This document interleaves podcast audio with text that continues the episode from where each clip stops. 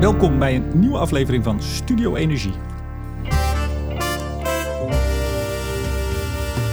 Gisteren maakte minister Wiebes de winnaar bekend van wat het eerste windpark op zee zonder subsidie moet worden. Die primeur is voor Nuon Vattenfall. Het gejuich was natuurlijk niet van de lucht, maar is dat wel helemaal terecht? Wordt wind op zee niet veel te rooskleurig voorgesteld?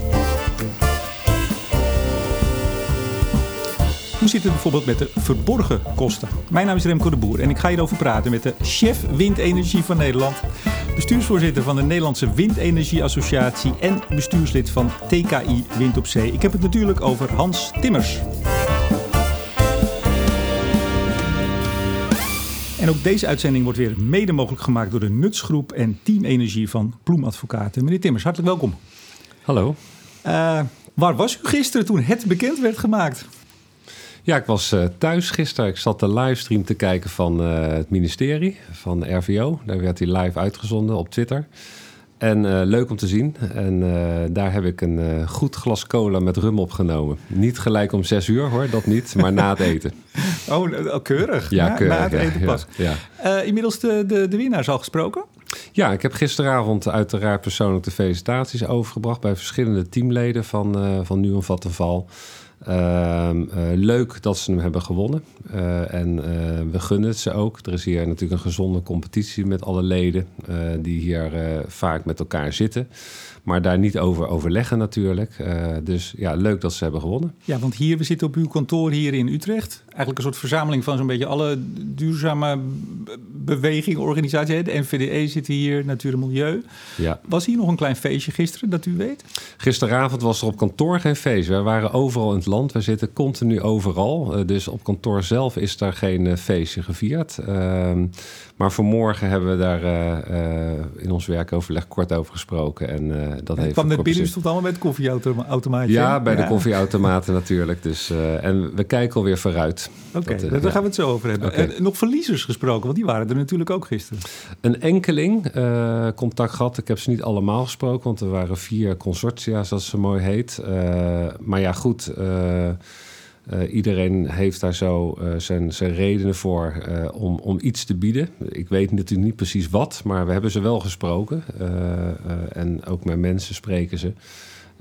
ja, en verliezen hoort bij het leven af en toe. Dus dat is zuur, maar ja, wellicht volgende keer beter. Ja, ze waren ook niet bij de bekendmaking. Alleen het, het groepje Vattenval kwam aanschuiven. Vijf minuutjes voordat hij het ging zeggen. Ja, dat is dan geregisseerd, zou ik maar zeggen. Ja, ja. ja. Um, u, u, zit nog niet zo heel lang eigenlijk in de, in de energie. Hè? U hebt nou, een carrière van een jaar of dertig bij de Rabobank. Sinds ja. 2015 uh, bij de NWA. Ja. En ook TKI Wind op Zee, ik zei het al. Hè? Ja, bestuur NVDE zit ik ook nog in. Ook nog, ja. precies. Uh, ja. U bent wel in een bijzonder wereldje terechtgekomen, denk ik. Ja, we zitten in een, een, wereld die verandert. En daar ben ik erg blij om, want ik hou van verandering. Uh, de financiële wereld, uh, dat is wat meer fiscaal uh, gedreven en natuurlijk klantgedreven. Prima en heel leuk en leerzaam. Maar de energiewereld is een enorm snel veranderende markt met, met steeds nieuwe spelers, internationaliseert ook. Uh, ja, als dat uh, mede geleid kan worden, ook door mij, maar ook door vele spelers om me heen, ja, ben ik heel blij dat ik daarin zit. Ja. Ik, ik doe eigenlijk op, wij spraken elkaar een keer voor een uh, artikel in het Financieel Dagblad in 2016. Toen ging de, ik geloof de tweede borstelen tender ging lopen. En toen ging het eigenlijk over, nou, wat, wat zou het kunnen worden, de prijs? Ja. Daar ging hij nog eens weer onder, onderdoor. Ja. Had u verwacht toen u begon en uw mensen hier dat we al uh, in 2018 een, een, een nul subsidie, uh, ja, niet alleen een tender, maar ook een, een winnaar zouden krijgen die hem in 2022 moet bouwen? Nee, niet verwacht nog. Uh, wel gehoopt natuurlijk. Maar uh, in het eerste energieakkoord hadden we afgesproken dat we naar 2020 uh, die kostenreductie in zouden zetten. Die 40 procent, hè? 40 procent kostenreductie. Dus daar was de markt mee bezig. En daar is de markt nog steeds mee bezig om dat voor elkaar te krijgen. We zitten er voorbij. We, zijn, zeggen, we dat, zitten dat in de 50, ja. dus dat gaat goed. Maar goed, kostenreductie is niet het enige natuurlijk wat speelt in zo'n markt. Er zal schaalgrootte moeten komen. Uh, maar dat hadden we toen niet verwacht. Ik denk dat. Uh, uh, nou, er werd gesproken over een aantal kavels nu. een beginnende markt. Dus dan moet je maar kijken of de markt dat aan kan, ook wereldwijd, denk ik. Hm. Even, even de hamvraag eigenlijk. Minister Wiebes was gisteren natuurlijk heel erg enthousiast. Denkt u dat dit park ook gebouwd gaat worden? Ja, ik denk zeker dat dit park gebouwd gaat Want worden. ze kunnen er onderuit hè, als ze willen. Iedereen kan overal onderuit, maar dan kost het geld, zeg ik altijd. Uh, en dat uh, kost dan uh, exposure en, en imago, wellicht. Hè. Is dat niet eigenlijk veel zwaarder? Dat is veel zwaarder, denk ik. Want we praten over iets van 35 miljoen voor de vorige tenders. Hè? Was de... Vorige tenders was er een bankgarantie, dat, maar dat was gekoppeld aan de, de subsidietender. Nou, nu is dat niet meer, dus het is nu meer een marktconforme clausule als er niet gebouwd zou kunnen worden. Dat is dan, zeg ik al, het voer voor advocaten. Uh, dus daar zit niemand op te wachten. Zeker nu een vattenval niet. zij hebben de intentie te bouwen, want het is een groot bedrijf wat wil leveren nu en in de toekomst. Net zoals alle andere bieders. Dat zijn gewoon gerespecteerde bedrijven die imagoverlies op dat gebied het liefst natuurlijk niet willen hebben. Dus de intentie, en dat, dat, dat voel je ook, dat is er om te bouwen. Zei minister Wiebes, we hadden vier fantastische biedingen. Hij was lyrisch. Nou, dat ben je dan ook op zo'n momenten. Ja. Hij zei, maar er was er eentje die was nog net weer even beter. Nou, dat was nu een vattenval. En vooral zei hij, omdat zij het risico van ja, zeg maar die fluctuerende stroomprijs... Hè, want nu er Ja. geen subsidie is, heb je dus geen garantie Nee. onder je business case. Je Ja. gaat mee met de golf van de prijs. Dat ze die het best hebben ehm, ja, afgedekt. Hoe hebben ze dat gedaan? Nou ja, een groot bedrijf eh, kan met handelsvolume op de markt handelen. Hè. De APX, de Amsterdam eh, eh, Power Index, zeg maar, daar kan je stroom handelen. Dat kan ook internationaal. Grote bedrijven kunnen hun stroom in principe ten alle tijden kwijt. En is de, stel het, de prijs zou niet goed zijn, kunnen ze dat hedgen in financiële termen met andere producten. Dus Vattenfall heeft een, een idee dat ze ten alle tijden eh, dat risico kunnen mitigeren. Zo heet dat. eh, Maar en- hebben ze ook voor de 15 of 30 jaar het hele risico afgedekt? Nou, ze hebben, ze zullen dat. Ik weet niet exact hoe zij dat doen natuurlijk, want ik zit niet in hun dealing room. Maar ze hebben onder andere een, een, eh, een overeenkomst met grote afnemers gesloten. Dus daar hebben ze garanties dat dat af wordt genomen. Bekende PPA's, hè? Dat zijn de, ja, de PPA's, de Power Purchase Agreements eh, in, in mooie term. Eh, maar ze hebben ook een hele grote trade floor... waar, waar zo'n bedrijf gewoon weg kan met al zijn eh, stroom. Ja. En eh, op dit moment met deze volumes in hernieuwbare energie kunnen ze dat ook. Eh, dus voor deze tender kunnen ze dat eh, in hun portfolio kwijt. Overigens, ik zag in het persbericht van EZK, het ministerie, stond... dit gaat stroom voor het equivalent van een, een miljoen huishoudens. Ja. Het Nuon-bericht, Vattenfall, stond 1 tot 1,5 miljoen. Ik dacht, nou, dat, dat, dat gaat lekker hard zo. Ja, het is hoe je huishoudens definieert. Precies, Eh, dat ja. is eh, de, de eeuwige vraag. Eh, alleen een, je hebt ook industrie, je hebt ook mobiliteit. Dus, dus je hebt ook de factor energie in plaats van elektriciteit. Dus dat zijn grootheden die, die variabel zijn. Wij sturen er wel steeds meer op dat we straks naar uniforme taal gaan. Dat zijn we ook in samenspraak met het bureau, Planbureau van de Leefomgeving aan het ontwikkelen. Ja. Dat er over dezelfde grootheden wordt gesproken. Ja. Maar goed, Ja, sorry. Nog even naar die PPA's. Hè. Eh, is het nou zo, als ik dat even in, in lekentermen vertaal... dat er gewoon bedrijven zijn, grote afnemers... die willen kunnen zeggen... ik heb daar mijn stroom vandaan... en daar wil ik een premium, een extra bedragje voor betalen. Werkt dat zo? Nou, niet alleen een extra bedrag. Ik denk dat hele grote bedrijven uh, uh, hun markt uh, willen hebben om in de markt naar de klanten te kunnen zeggen dat ze met donkergroene stroom werken. Dus, ja, maar, maar dat, is, dat is een geld waard. Dat is een, dat is een geld waard. waard. Dat is een, dat is een USP in de markt. dus mensen willen heel graag dat als in de markt zetten, want dat trekt klanten. Klanten vragen ook om groene stroom. Dus hele grote datacentra bijvoorbeeld, uh, maar ook grote afnemers, die willen steeds meer uh, uh, die groene stroom hebben om te kunnen zeggen en ook te kunnen doen dat zij op duurzame stroom kunnen draaien. Ja. Dan kun je zeggen, dat heeft dus een waarde, dat vertegenwoordigt een waarde. Hè? Dat maakt Ja. ook dat, dat Vattenfall ja. Nuon dit uh, kon doen en het goed heeft afgedekt volgens de minister. Nou was een andere vraag aan de minister gisteren. Uh, bent u al bezig met uh, de volgende stap, namelijk dat partijen geld gaan bieden om een park te mogen bouwen. Dus we gaan van subsidie, je krijgt geld toe, naar nul, wat we nu hebben, naar uh, geld betalen. Zoals Ja. je dat eigenlijk ook in heel veel andere projecten ziet. Ja. Uh, hij zei, nou, daar zijn we inderdaad al mee bezig om naar te kijken. Maar dan zag ik uh, in de Volkskrant gisteravond nog een van uw mensen, Berend Potjer. Ehm, die zegt: Ik vind het geen goed idee. Voor de energietransitie is het belangrijk dat de prijs laag blijft. Daar hoort niet een systeem in waarbij, waarbij exploitanten moeten betalen voor het recht om windparken te bouwen. Dat vond ik zo'n rare uitspraak. Nou, dus een, uh, je kan hem aan zich zo uh, als raar ervaren. Maar uh, ik kijk veel meer veranderkundig naar dit proces. als de minister van Financiën straks denkt... hier is heel veel geld te verdienen. We gaan, hè, we gaan een soort een soort erfpacht uitgeven op zee. En dat, dat brengt veel geld op, als het ware.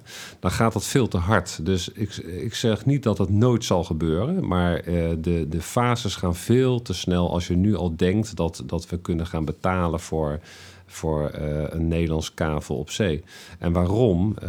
Ik denk dat het veel belangrijker is. Het is een internationale markt. Dus bedrijven zullen kijken: kunnen wij een bepaald bedrag, een bepaalde opbrengst voor onze stroom krijgen?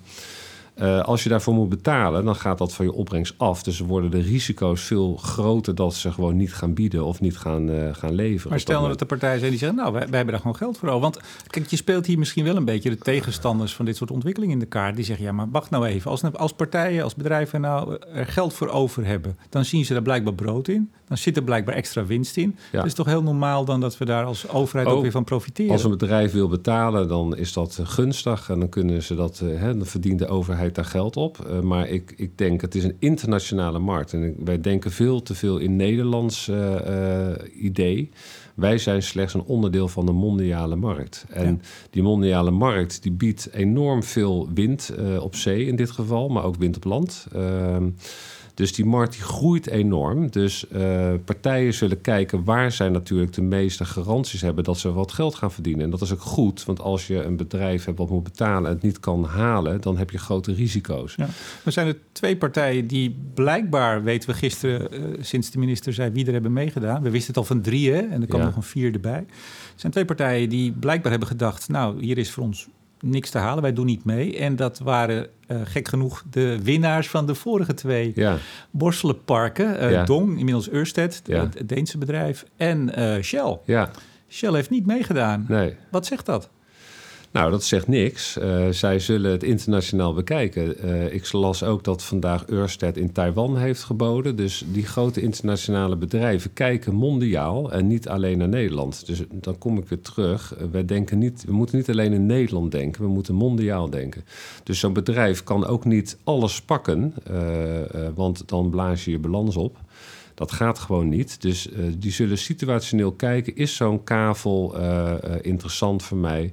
Is dat Nederland, maar dat kan ook uh, in het uh, Verre Oosten zijn. Dat kan straks ook Amerika zijn. Dat kan bij Engeland zijn. Dus het is een mondiale markt. Maar kan het niet zijn dat, dat er gewoon uh, nu door de partijen die wel hebben gezegd... wij hoeven geen subsidie onder de marktprijs, onder de kostprijs wordt gewerkt... dat Ørsted en Shell gewoon zeggen, ja, dat, dat doen wij niet. Wij hebben gewoon nog wat subsidie nodig. Uh, ieder zal daar zijn eigen idee over hebben. Ik denk dat je het per bedrijf moet bekijken wat hun investeringsportfolio is, wat hun tempo van investeringen is. Uh, daar zullen ze afwegen wat zijn de risico's en wat zijn de groottes en wat, wat heeft dat voor impact op een andere investeringen. Dus ik denk dat elk bedrijf daar elke keer zijn eigen afweging en zijn momentum voor kiest.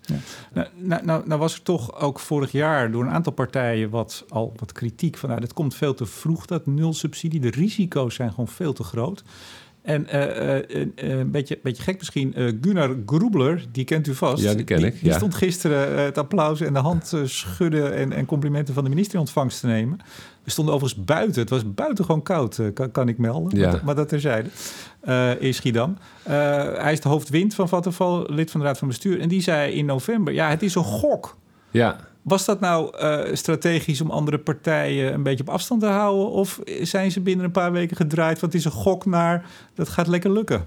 Nou, ik heb hem dat horen zeggen inderdaad. Uh, we zaten ook op een, uh, op een, een high-level lunch, zoals dat zo mooi heet. En natuurlijk is er, wordt er een spel gespeeld. Elk bedrijf wil niet te vroeg zijn kaarten laten zien, dat is één.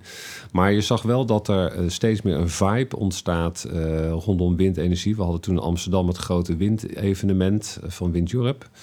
Ehm, en uh, je ziet steeds meer dat uh, bedrijven strategisch zien dat windenergie een, een, hele grote driver is van die transitie. Hè. We hebben natuurlijk ook zon, geothermie en, en, veel meer nodig. Uh, dat, is ook, dat is logisch. Maar windenergie is het grote volume in het, in het Noordwest-Europa wat we kunnen maken.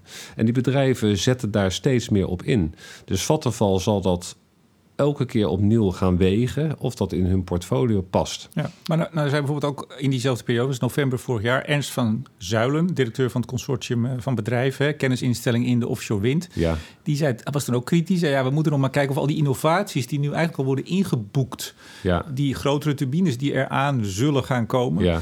Uh, die was ook heel sceptisch. En dat is toch ook een insider? Nou, hij waarschuwde denk ik voor een soort opportunisme dat wind gratis is. Want dat is het dus gewoon niet. Hè? Uh, uh, dus ja, er wordt zwaar geïnnoveerd. Er wordt ook heel veel geïnvesteerd. Hè? Er is een groot initiatief, het CRO-initiatief... Wat, eh, wat we ook met minister Kamp destijds hebben afgesproken... wat waar veel geïnvesteerd gaat worden. En natuurlijk moeten de innovaties plaatsvinden, maar het is ook een voorzichtigheidsprincipe wat, uh, wat Ernst van Zuilen ook zei. Van uh, ja, we moeten de innovaties maken. Nou, uh, je ziet dat die markt groter wordt, dus dan zal de markt ook innoveren en investeren. Dat, uh, dus we zien dat ook komen. De 12 megawatt molen gaat getest worden bij SIF binnenkort. die General om, Electric. Ja, de General Electric molen. Dus, Komt pas in 2021 op de markt, hè? Als het ja, als het lukt. oftewel, je ziet dat de markt opschaalt. en dat kan ook alleen maar als er een grotere vraag komt en een grotere grotere markt komt, dan kan de markt innoveren. Maar, maar ook in de, in de NEF, de Nationale Energieverkenning, eh, PBL, ECN, die waren vorig jaar ook die waarschuwden eigenlijk ook hè, dat de risico's natuurlijk nu wel toenemen. Ja, de risico's nemen toe, uh, vind ik, omdat uh, er uh, wellicht in de markt een opportunisme bestaat om gewoon te gaan betalen. En ik denk dat dat nog niet recht doet aan de aan de risico's die er zijn. Kijk, bijvoorbeeld de vraagkant zal veel meer gestimuleerd moeten gaan worden. Ik denk dat een heel belangrijk punt is dat, zeker als je nu het over de, de gastransitie hebt, laag en hoogkalorisch gas. Uh, uh, nou, dat zal zijn weg vinden, ongetwijfeld. Maar het is ook een kans om die vraagkant voor, voor elektriciteit te stimuleren. Hè, dus dat bedrijven niet dubbel hoeven te investeren. Ehm, eh, of misschien met hybride oplossingen gaan werken uh, in die transitie.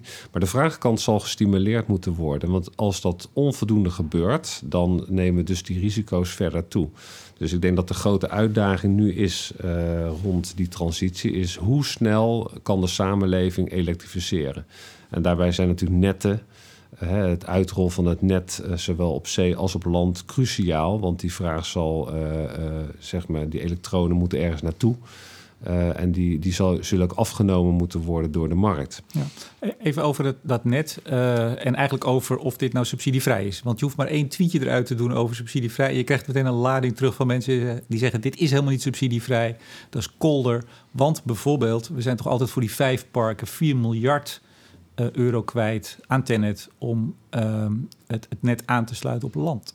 Hoe ziet u dat? Ja, dat is, dat is waar. Uh, de sociale kosten voor uh, de energievoorziening zijn groot. Die waren er destijds ook met het aanleg van het gasstelsel in Nederland. En dat heeft ook sociaal-maatschappelijk geld gekost. Uh, kabels die door Tennet in dit geval worden aangelegd, die worden uh, door de overheid uh, betaald. Hè? door dus, ons. Dus. Door ons, door ons burger. Maar dan is het toch ook eigenlijk dus niet subsidievrij? Dat is toch een terecht punt? Ja, de, de vraag is of je het subsidie noemt of dat je het de randvoorwaarden van de overheid noemt. Het feit is dat we er belasting voor betalen. Maar dat is de straatverlichting die aan wordt gelegd, die betalen we ook. Dus, nee, maar wat ik, wat ik eigenlijk bedoel is dat er is natuurlijk als je ook kijkt naar op een gegeven moment met de vorige tweede Borselenparken, hè, uh, daar was een limiet bij uh, Borselen 1-2 van 12,4 uh, door de overheid gesteld, een plafond. Dat ja. werd 7,27. Bij de vo het volgende park, wat door Shell is gewonnen, 11,9. Dat werd 5,45. Ja. Um, dat komt door een aantal dingen. Eén, ook omdat al die risico's eruit zijn gehaald. Hè. De overheid heeft alle onderzoeken gedaan, de vergunningen geregeld, ja. de aansluiting op land ja, dan lijkt het dat het natuurlijk heel erg hard gaat. Maar het gaat misschien wel veel minder hard als we dat niet hadden gedaan. Is het niet een soort cosmetische Nou, het is geen cosmetica. Het is denk ik gewoon vertellen aan de burger dat een transitie geld kost. Dus, het is, dat is, hè, dus ik geloof niet in een sprookje dat uh, energie gratis is. Uh, dat zal, ook bedrijven zullen geld moeten verdienen. Het is heel goed dat de overheid die risico's uh, mitigeert door uh, bodemonderzoeken te doen en uh, haar gronden ter beschikking stelt. Dat vragen we ook voor land overigens. Hè. Wat, dus wat, dat, heeft, wat heeft ons dat gekost eigenlijk, al die onderzoeken? In welke orde grootte? Nou, dat, dat zijn tientallen miljoenen als je het over bodemonderzoeken hebt. Hè. Dus kijken of er mijnen liggen, of er scheepswrakken liggen, wat, de natuur, wat daar voor natuurwaarden zijn. daar wordt natuurlijk naar gekeken. Veel peanuts dat, vergeleken met de totale investering. Dat zijn, ja, als u het peanuts noemt, maar dat is minder. Hè, dat zijn basiskosten die we moeten maken. Dus ik vind het ook gewoon een reëel verhaal dat we uh, vertellen. Uh, het moet niet alleen over subsidie gaan of, of over opbrengsten. De energietransitie kost gewoon veel geld. nogmaals, dat was ook toen we de gasnetten aanlegden. Dat heeft ook geld gekost, gesocialiseerde kosten. En dat kostte kabels ook. Maar goed, er zijn nu bedrijven die zeggen dus we kunnen zonder subsidie en gaan er straks misschien wel hebben er geld voor over om te betalen. Dus do door meer van die kosten uh, voor de staat te nemen, voor onze portemonnee, kunnen die bedrijven eerder winst maken. Daar zit misschien wel iets van een zekere oneerlijkheid in. Nou, ik denk dat de marktwerking daar zijn werk zal doen. Dus als dat. Uh, uh, er zijn altijd basiskosten, maar dat is niet in verhouding tot het 15 tot 20 jaar functioneren van zo'n park. Maar natuurlijk zal de overheid die weging maken. En dat vind ik ook goed. Hè. Een overheid hoort scherp te zijn en, en het rentmeesterschap goed te doen van wat, wat, wat, wat investeren ze en wat krijgen we voor terug als samenleving. Dus daar zullen onze bedrijven gewoon aan voldoen. Uh, ik zie daar geen, geen, geen risico. Het is alleen een reëel verhaal. Hè? Nee, maar omdat u uh, uw woordvoerder zegt gisteren hè, tegen de Volkskrant... van ja, we moeten ze nog geen geld gaan vragen. Dus aan alle kanten worden die bedrijven natuurlijk nu geholpen. We doen de onderzoeken ja. voor ze, het, het netwerk, de aansluiting... Uh, ja, ik snap, ik, snap, ik, snap, ik snap uw vraag, maar ik denk dat uh, een transitie uh, vraagt investeringen. Dat is ook de rol van de overheid om die risico's zoveel mogelijk uh, weg te nemen. Um, um, en het gaat vooral over het feit dat je niet in een half jaar of een jaar uh, van uh, grote subsidie naar betalen kan gaan. Dat gaat gewoon te snel voor zo'n markt. Er zal eerst een vraag uh, moeten zijn vanuit die markt en dan gaan die bedragen zich vanzelf zetten. Okay. En dan kunnen die vragen gewoon ingeprijsd worden op dat moment. Uh, het, het, het, laatste punt eigenlijk als het gaat over kosten, of misschien wel verborgen kosten, is dat uh, met een beetje wind en een beetje zon, uh, dat is allemaal prima in het netwerk in te passen op dit moment. En dat kan de komende jaren nog. Maar er komt een moment, zeker als we straks, zoals het nieuwe kabinet ook willen, 1 gigawatt per jaar. Het moet nog veel meer worden. Ik sprak gisteren mevrouw Van Loon op een receptie. Het ja. moet meer worden. Hè? Shell ja. wil natuurlijk ook heel veel doen. Dan komt natuurlijk op een moment dat uh, we niet alles meer in kunnen passen. Dat we aan opslag moeten gaan denken. Ja. Um, de kosten daarvan, van eigenlijk het stelsel wat erachter moet zitten, de backup, de opslag, nou, noem maar op, om te zorgen dat we altijd uh, stromen. Ja. Die kosten, daar hebben we natuurlijk nog helemaal niet over. En die hangen eigenlijk wel aan die windparken vast. Ja, die kosten zijn uh, er op dat moment zeker, maar die zijn er nu ook. Hè. We hebben nu ook backups met gas- en kolencentrales. Die zijn ook ingeprijsd in de markt. Dus er zal een nieuw prijsmechanisme ontstaan voor die opslag. Uh, inderdaad staan we aan het begin van die ontwikkeling. Hè, dat kan in uh, allerlei vormen. Hè. Allerlei energiedragers kan dat gedaan worden. Uh, maar daar, daar, daar hebben we ook groot uh, belang bij dat dat natuurlijk gebeurt. Omdat dat die risico's uiteindelijk uh, ja, mitigeert. Met maar wat, wat vindt u van het verwijt dat die parken, het is allemaal prachtig en geen subsidie. Nou ja, goed, daar hebben we het over gehad. Hè? Mm. Maar dat er dus nog over, dat zal waarschijnlijk pas over, hè, na 2030 ongeveer komen op dat punt, misschien al iets eerder dat er dan kosten aankomen, dat weten we nu al, die hangen hier aan vast. Kijk, als je een kolencentrale bouwt of gascentrale, die kan je aan- en uitzetten. Daar zitten verder in die zin geen kosten aan. Maar aan deze parken uiteindelijk wel, als ze het een weekendje niet doen. Ja, aan kost, uh, er zitten wel degelijk kosten aan kolen- en gascentrales. Ze staan er, ze moeten onderhouden worden. Dus daar zit een, een prijs aan. Dus, maar je uh, hebt de knop om hem aan en uit te zetten. Je kan hem wat makkelijker aan en uitzetten, maar dat zal straks in nieuwe technieken ongetwijfeld ook weer uh, uh, geïnnoveerd worden. Hè. Dat kan in batterijen, dat kan in, mogelijk in waterstof, dat kan in allerlei vormen. Ammoniak wordt genoemd. maar ook dat zal zijn prijs hebben. En ook dat is goed om gewoon te noemen dat dat straks geld gaat kosten. En dat is logisch als je naar een nieuw systeem gaat. Dus daar zijn wij natuurlijk zeer bij betrokken en zeer geïnteresseerd. En dat zal die markt uiteindelijk ook zetten, zodat we stabiel kunnen investeren naar de toekomst toe. Tot slot, uh, we hadden het net al even over die uh, General Electric 12 megawatt turbine. Um, vorig najaar ging het de discussie over, inderdaad toen het over nul subsidie ging, die innovaties, komen die eraan? Nou, deze komt er al aan. U zit ook in de innovatiekringen. Hè? Ja. wat komt er nog meer aan binnen redelijke termijn? Ja, dat is een hele spannende vraag. Want wie dat weet is schatrijk, zeg ik altijd. Maar u, spreekt, u spreekt iedereen. U weet wat de ontwikkelingen zijn. Ja, er wordt op, op hele kleine schaal ontwikkeld. Dus de hele supply chain trek ik dan maar even door. Uh, daar wordt op alle fronten geïnnoveerd. Hè? Dus in onderhoud, in maintenance, uh, uh, maar ook in, in techniek en in ICT. Dus dat zit door de hele supply chain heen. Dus het is niet alleen een turbine. Die is natuurlijk het meest zichtbaar. Dat is een groot ding en een mooi ding. Maar het zit echt in de hele supply chain. Dus er komt echt van alles aan. En dat is microniveau en dat stapel je. En dat maakt uiteindelijk dat zo'n sector competitief kan zijn naar de toekomst toe. Dus de buitenwacht staat zich een beetje blind op die 12, misschien straks 15 uh, megawatt turbine. Dat is niet het enige. Er zal meer geïnnoveerd moeten worden. Dat zit ook in uh, O&M, om het uh, in vaktermen te, te, te noemen. Hè? Operation maintenance, ja. dat is ook heel erg belangrijk. En vooral heel veel parken neerzetten. We gaan vol, volgens mij 20% van de Noordzee hè, gaan we volbouwen, is de bedoeling. Als het uh, volgens PBL, die rekenen richting 24 tot 26 procent uh, Nederlandse Noordzee. Ja. ja.